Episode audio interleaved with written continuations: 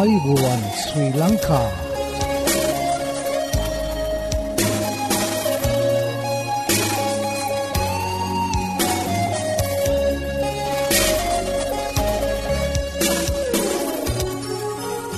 ඔබට සුපදස මේ ඇඩවෙන්ටිස් වර්ල් රේඩියෝ බලාපොරොත්වය හඬයි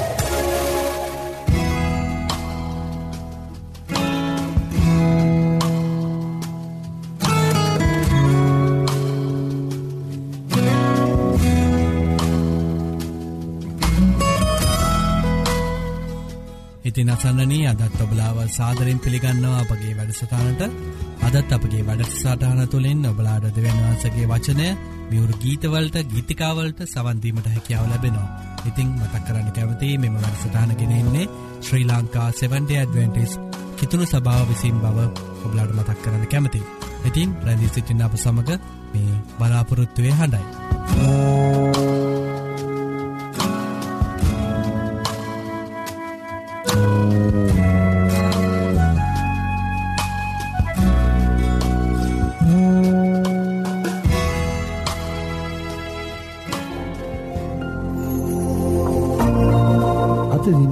බයිබල් පාටය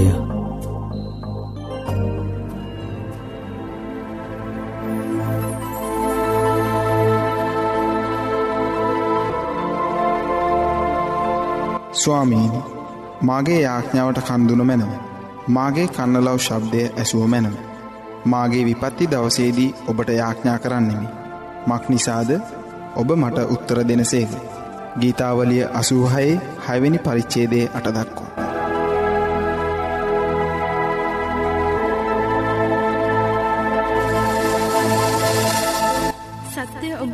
කරන්නේ යසාය අටේ තිස්ස එක.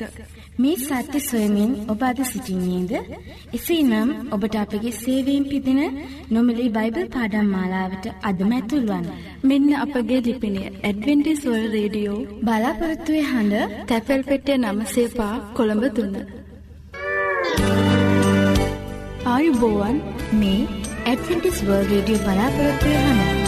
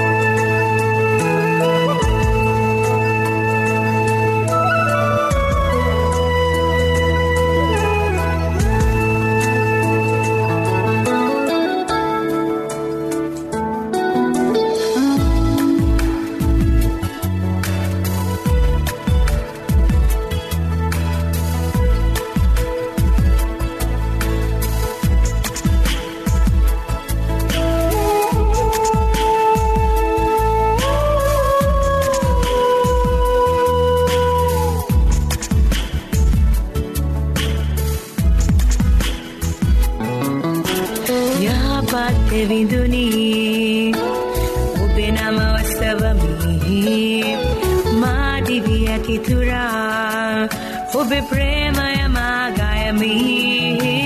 යාපත්ත විඳුනී. ඔබෙ නම ඔස්සවමි මාදිවි ඇතිතුරා ඔබ ප්‍රේමය මාගයමි. ශුද්ධාරේ ඔබ ස්වාමී. ඇසිසුම් ලැබුමට සැරේ. Shubhai Obaswami, Pasisum Level Madhisthana.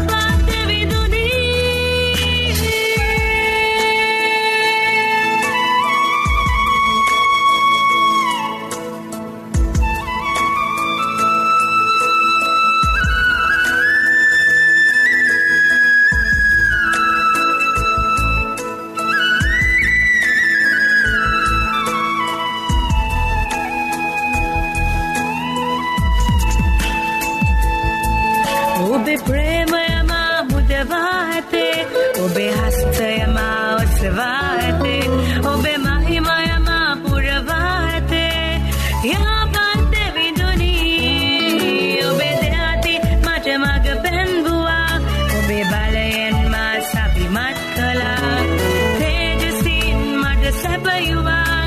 Yeah.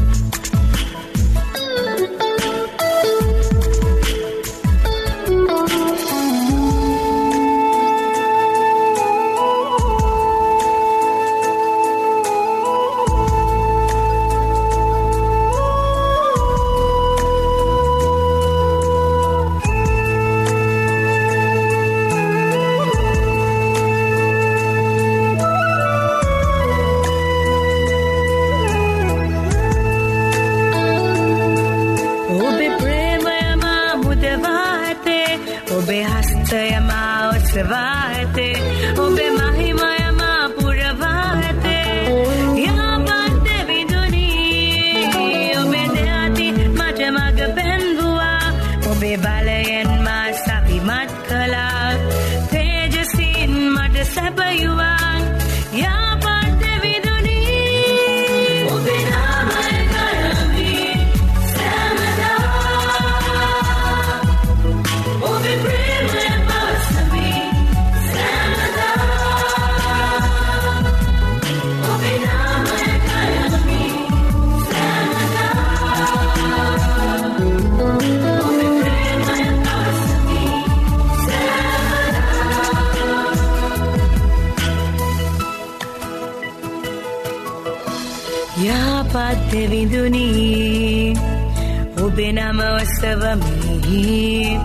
मादिव्यतिथुरा उभे प्रेमय मा गायमि या पाद्यविन्दुनी उभे नामोत्सवमी मादिव्यतिथुरा उभे प्रेमय मा गायमि शुद्धारे उपस्वामी Atasum labu matu sahi Shudai obaswami tum level mujhse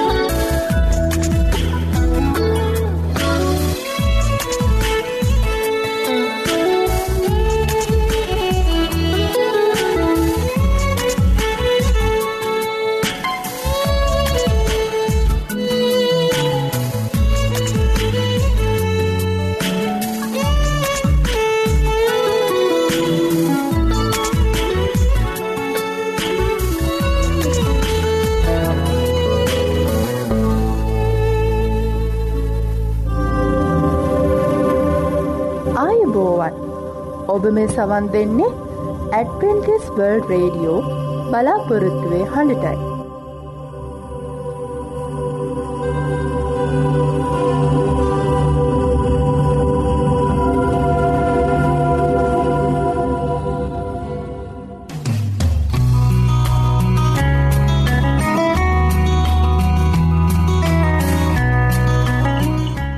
ඉතින් අසන්නනී ඔබලාට ස්තුතිවන්ත වෙනවා. අපගේ මෙම වැඩසටාන් සමඟ එක්වී සිටීම ගැන.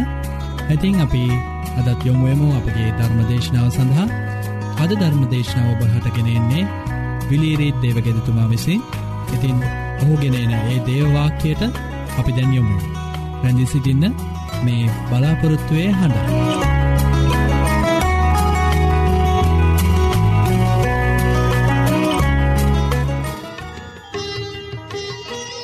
ආයිබෝවන් දෑබර අසන්නෙන ඔබ සියලු දෙනාටම සුභ සන්ධියාවක්. මෙම දේශනයට සවන් දෙන ඔබගේ සිතේ පිළිතුරු ලබාගන්නට කැමති සියදහස් ප්‍රශ්න ඇති නේද. බලන්න කුඩාලාමයෙක් දෙස නොෙක් ප්‍රශ්න දෙමවපියන්ගෙන් අහනවා. අම්මේ මොකක්ද මේ මල.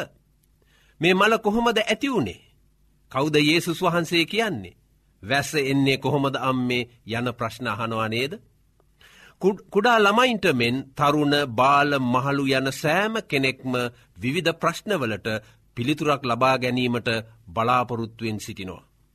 මේ මොහොතේ අපි අධ්‍යාත්මික කෝනයකින් බලමු. ආත්මික දේවල් දෙස බලන විට මනුෂ්‍යයන්ට පිළිතුරු ලබාගන්නට බොහෝ ප්‍රශ්න තිබෙනවා. සමහර අය අහන ප්‍රශ්න වලින් එකක් තමයි පාපය යනු කුමක්ද එයින් ගැලවීමක් අපට තිබෙනවාද යන්ුවෙන් ප්‍රශ්න අහන අය බොහෝ සිටිනවා. ක්‍රස්තියානි අය පමණක් නොවෙයි පාපය යනු කුමක්ද එයින් ගැලවීමක් තිබේද යන ප්‍රශ්නය අසන්නේ. ක්‍රස්තියානි නොවන අය පවා පාපය ගැන යම් පැහැදීමක් ඇතිකරගන්නට කැමති. එමෙන්ම පාපය පැහැදිලි කරන්නට යන විට බොහෝ දෙනා විවිධ අර්ථ දැක්වීම් කරනවා. සුද්ද බයිබලේ පාපය ගැන අතිසයින් සඳහන් වෙනවා. බොහෝ ස්ථානවල පාපය ගැන සඳහන් කර තිබෙනවා. සුද්ද බයිබලේ සඳහන් වන පරිදි පාපය ගැන මෙසේ විග්‍රහ කර තිබෙනවා. පාපය වරද යනුවෙන් තේරුම් කරදී තිබෙනවා සමාරස්ථානවල.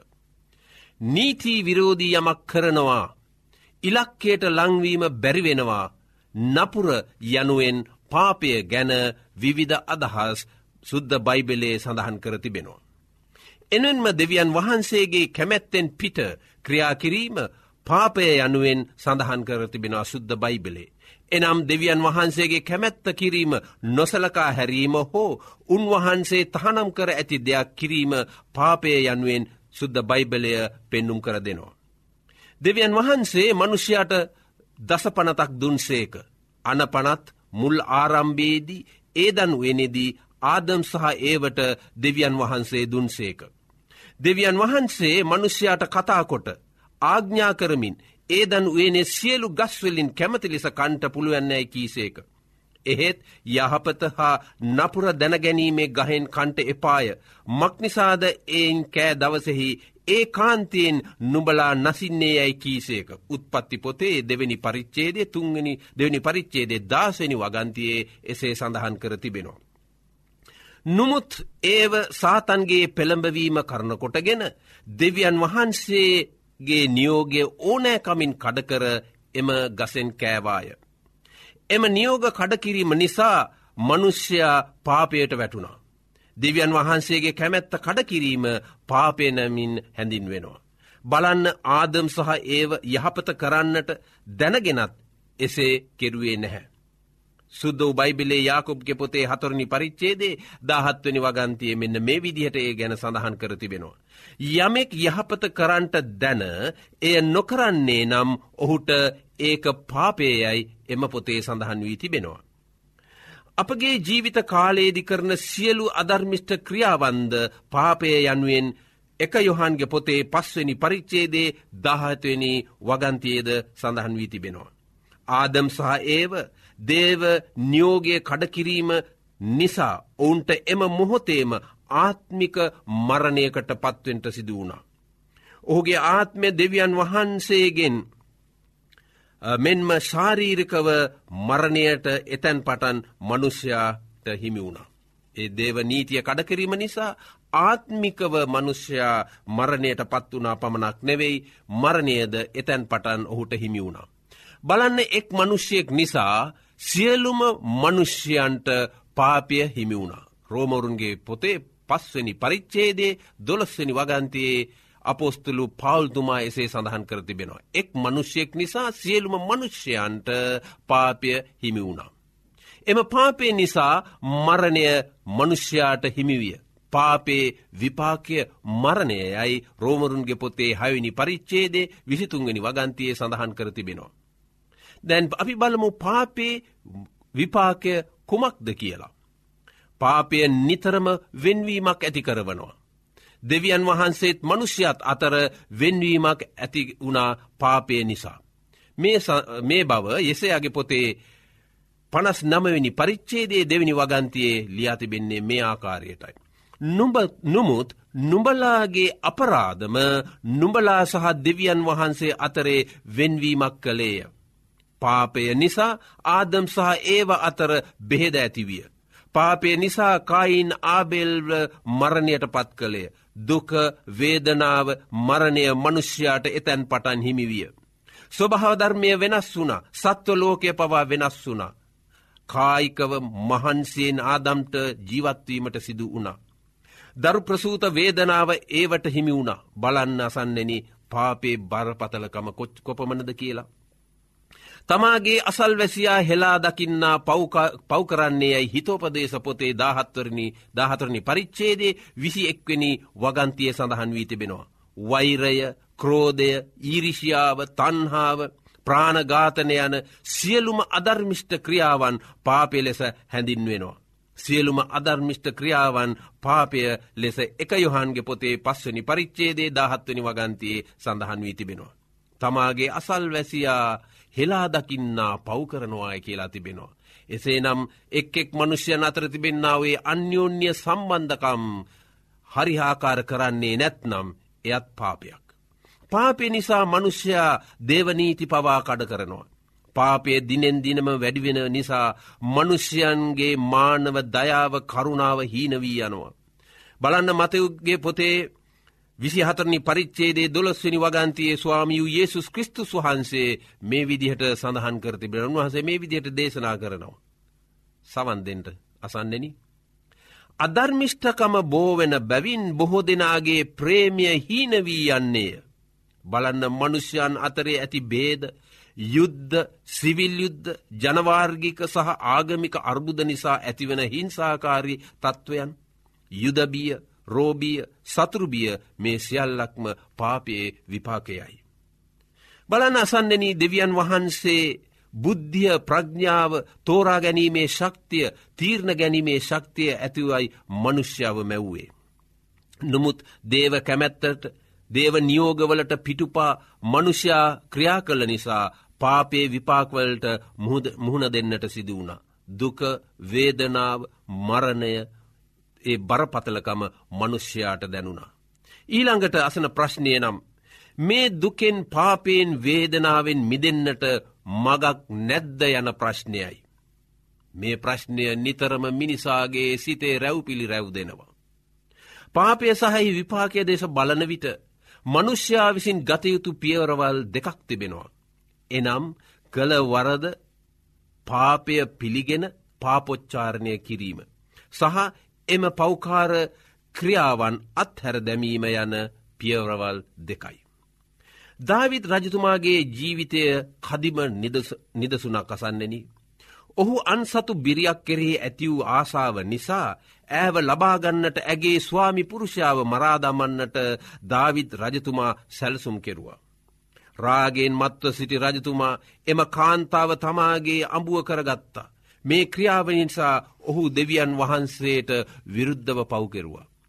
පසුව නේදනම් ප්‍රපේතවරයා රජතුමා කළ වරද පෙන්වා දුන්නා. එවිට රජතුමා කළ වරද පිළිගෙන දෙවියන් වහන්සේ ගෙන් සමහව ඉල්ලවා. මේ සමහාව ඉල්ලන ගීතිකාවක් ඔහු ලියා තිබෙනවා ඒ තමයි පනස් එක්වනි ගීතාවලිය. පනස් එක්වනි ගීතාවලිෙහි ඔහුගේ පසු තැවිලීවීම දාවිද රජතුමා ලියා තිබෙනවා. ටිකක් අපි බලමු හතරණී වගන්තිය දෙස. ඕ මෙන්න මේ විදිහට දුකෙන් පවසනවා. ඔබට විරුද්ධව ඔබට පමණක් විරුද්ධව පව් කෙළමි. ඔබගේ ඇස් හමුහෙයි නපුරුව තිබෙනදේ කෙළමි. වරද පිළිගත් රජතුමා නිහතමානිව දෙවියන් වහන්සේගෙන් සමහව ඉල්ලා සිටිය. පනස්සෙක්කෙන ගීතාවලේ දාහතුනි පදය මෙන්න මේ විදියට යළිත්වරක් සඳහන් කරන්නට කැමති. දෙවියන් වහන්ස මාගේ ගැලවීමේ දෙවියන් වහන්ස මිනිමැරීමේ අපරාදයෙන් මා මුදා හැරිය මැනව. දෙවියන් වහන්සේගෙන් පාපක් සමහව ඔහුට ලැබුණා. එම අත්දැකීම ඔබටත් මටත් ලබාගන්නට පුළුවන්. යොහන්තුමා එම පියවර දෙක මෙන්න මේ විදිහයට එක යොහන්ගේ පොතේ පළවෙනි පරිච්චේදේ නමයනි වගන්තිය ලියා තිබෙනවා. අපේ පාපවල් කියා දෙමු නම් අපේ පව් අපට කමා කරන්නටත් සියලු අධර්මිෂ්ඨකම්මින් අප පවිත්‍ර කරන්නටත් උන්වහන්සේ විශ්වාසව ධර්මිෂ්ටව සිටිනසේක. Yesසුස් වහන්සේ අපේ පාපේ වන්දිය ගෙවා තිබෙනවා කල්වරි කෘසියේදී. ඔබත් පාපෙන් මිදී පෞකාර ජීවිතය අත්හර දමන්නට Yesසුස් වහන්සේ කෙරෙහි විශ්වාස කරන්ට. උන්වහන්සේව පිළිගන්ට. උන්වහන්සේ අපට පිහිට වෙනවා. සම්පූර්ණ සිතකින් උන්වහන්සේට පෞකයාදී පෞක්ෂමහාව ලබාගෙන පෞකාර ක්‍රියාවලින් අහක්ව සිටීමට අධිෂ්ඨාන කරන්ට.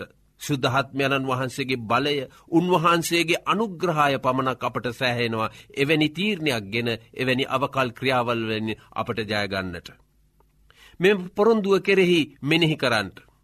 පොරොන්දුවක් දී තිබෙනවා එරමියගේ පොතේ තිස්තුන්ගනි පරිච්චේදේ අටවෙනි වගන්තියේ. සමන් දෙන්න අසන්නෙන. ඔවුන් මට විරුද්ධව කලා වූ ඔවුන්ගේ සියලු අයිතුකමෙන් ඔවුන් පිරිසිදු කරන්නෙමි. මට විරුද්ධව පව්කිරීමෙන්ද මට විරුද්ධව ද්‍රෝහි කිරීමෙන්ද කලා වූ. ඔවුන්ගේ සියලුම අයිතුකම් ඔවුන්ට කමා කරන්නෙමි. මේ තමයි අපගේ ජීවමාන මහොත්තම දෙවියන් වහන්සේ මෙවැන් ප්‍රශ්න ඇති අයට දීතිබෙන පොරොන්දුව. අසන්නෙන පාපේ ග්‍රහණයෙන් මිදී දුක වේදනාව මරණය නැමැති පාපේ විපාකෙන් මිදන්නට එන්න පිළිගන්න යේසුස් කෘස්තුස් වහන්සේව. ඔබගේ ජීවිතයේ ඉතිරි කාලය චිත්ත සාමයෙන් යුත් ධර්මිෂ්ට ජීවිතයක් ගත කරන්න ඔබත් තෝරාගන්න. දෙවියන් වහන්සේට පුළුවන් ඔබගේ ජීවිතය අලුත්කොට ඔබට යහපත් ජීවිතයක් උදාකර දෙන්න. පාපේ බරෙන් නිදහස්වීම ඔබගේ අධිෂ්ඨානය නම් දෙවියන් වහන්සේ ඔබට පිරිනමන මේ ආරාධනාව ඔබ කැමතිනම් පිළිගන්ට. එසයාගේ පොතේ පළවෙනි පරිච්චේදේ දහට නිවගන්තය මෙන්න මේ ආරාධනාව අද මේ මොහොතේදී ඔබට උන්වහන්සේ පිරි නමනෝ. ඔබ විශ්වාසවන්තව ඔබගේ ජීවිතය අලුත් කරගන්ට කැමතිනම් මෙන්න මේ ආරාධනාවට ඔබත් ඔබගේ කැමැත්ත දෙන්න මෙන්න ස්වාමින් වහන්සේ කරන්ට යන ඔබගේ ජීවිතය වෙනස. ඉතින් එන්න අපි කාරණා කතා කර ගනමු ස්වාමින් වහන්සේ කියන සේක. නුඹලාගේ පව් රතුපාටමෙන් තිබෙන නුමුත් ඒවා හිමමෙන් සුදුවන්නේය. ඒවා ලාක්ෂාමෙන් රතුව තිබෙන නුමුත් සුදුලොම් වන්නේය. ඔවු මිත්‍රවරණි මේ ප්‍රශ්නවලට ඇලී ගැලී නොසිට. ඇදහිල්ලෙන් යුක්තව දේව වචනයේ කියා තිබෙන පරිදි. අපි ස්වාමින් වහන්සේගේ ඒ කල්වරි කුරුස පූජාව පිළි අරගෙන. අපි උන්වහන්සේ වෙදට පැමිණෙන්නේ නම්. අපේ තිබෙන ඒ හැම පාපයක්ම උන්වහන්සේට කියාදිය ඔවුන් ඒවයින් මිදෙන්න්නට අපි උන්වහන්සේට කැපවී මේ ආරාධනාව පිළිගන්නේ නම් ඔබටත් පුළුවන්නේ වාසනාවන්ත ජීවිතයකට අවතීරණය වන්නට. එසේ වන්නට එසේ තීරණය ගන්නට උන්වහන්සේගේ බලය ශක්තිය ප්‍රඥාව ඔබ සියලු දෙනාටම ලැබෙත්වා. ඔබට මේ වාසනාවන්ත ජීවිතයට ඇතුල්වන්නට දෙවියන් වහන්සේගේ ආශිර්වාද එක්කරනු ලබත්වා. අපි සියලු දෙනාම යාඥා කරමු. මහොත්තම දෙවි සමිධානෙන පාපේ විපාකය නිසා දුකට වේදනාවට පත්ව සිටින මරණයට ගොදුරුවී සිටින සෑම මනුෂ්‍යෙක්ම කල්වරි කුරුසව ජීවිත පූජාවෙන් ස්වාමියූ යේසුස් කෘස්තුස් වහන්සේ අපව බේරාගත් නිසා ස්තුතිවන්ත වන අතර උන්වහන්සේව යම් කිසි කෙනෙක් පිළිගන්නේද. ඒ අයි විනාශ නොබී සදාකාලික ජීවනය ලබා දෙන්නට ඇති පොරොන්දුව දුන් පොරොන්දුවට ස්තුතිවන්තවෙමින්. අද මේ දේශනයට සවන් දෙන්නාව යමෙක් පාපේ බරෙන් අකුසලේ බරෙන් මිරිකී සිටින්නේද. ඒ අත්තන්ට ස්වාමිය වූ ඒසුස් කෘස්තුස් වහන්සේ වෙතට පැමිණ. උන්වහන්සේ දෙන චිත්ත සාමය සතුට සමාධානය පාපෙන් නිදහස ලබා ගැනීමේ ආශිරුවාදෙක් කාසු කරන්න කියලා අපි අයද සිටින්නේ අපගේ ස්වාමි වූ ඒසුස් කෘස්තුස් වහන්සේගේ අතිමහත් වූ පින්වත් නාමේ නිසාමය. ආමෙන්.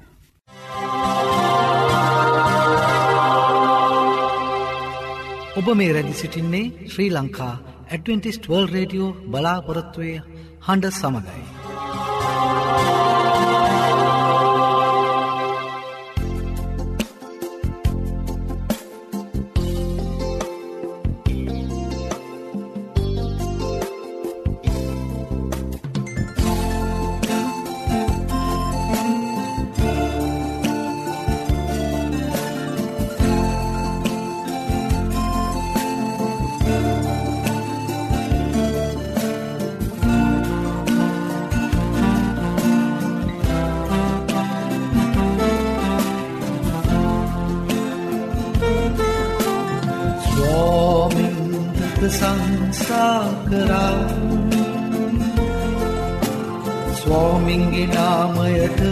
ප්‍රසංසා කරා ස්වාමින්ට ප්‍රසංසා කරා ස්වාමින්ගේ නාමයට ප්‍රසංසා කරා ස්වාමින්ගේ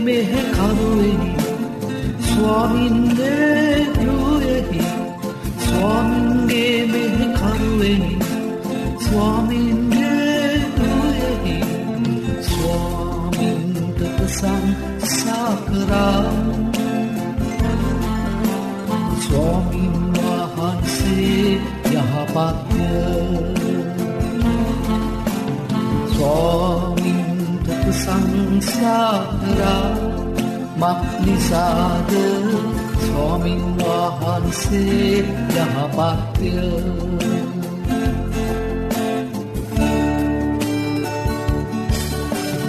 ස්වාමින්ට ප්‍රසංසාකරා ස්වාමින්ගේ නාමයට ප්‍රසංසාකරා ස්වාමින්ට ප්‍රසංසා කරා ස්වාමින්ගේ නාමයට ප්‍රසංසා කරා.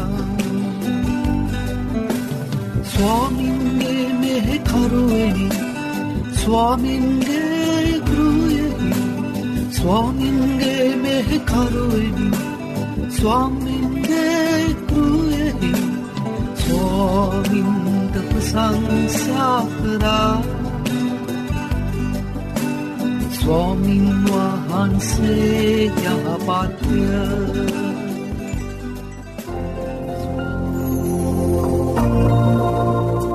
අපේ මෙ වැඩසටාන තුළින් ඔබලාට නොමිලේ ලබාගත හැකි බයිබල් පාඩං හා සෞඛ්‍ය පාඩම් තිබෙනවා.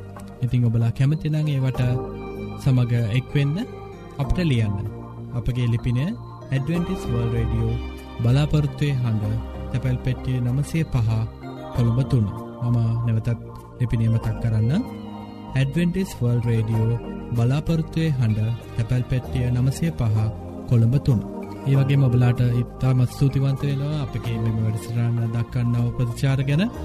අපට ලියන්න අපගේ මේ වැඩසිටාන් සාර්ථය කර ගැනීමට බලාගේ අදහස් හා යෝජනාවට අවශ්‍ය. අදත් අපගේ වැඩසටානය නිමාව කරාලඟාව තිබෙනවා. ඉතිං පුරා අඩහෝරාව කාලයක් අප සමඟ රැඳී සිටියඔබට සූතිවන්ත වෙන අතර එටදිනෙත් සුපුරෝධ පරිති සුපුරෘධ වෙලාවට හමුවීමට බලාපොරොත්තුවයෙන් සමුගන්නාමා ප්‍රස්ත්‍රියකනායක ඔබට දෙවියන් වහන්සේකි ආශිරවාදය කරනාව හිමියේවා.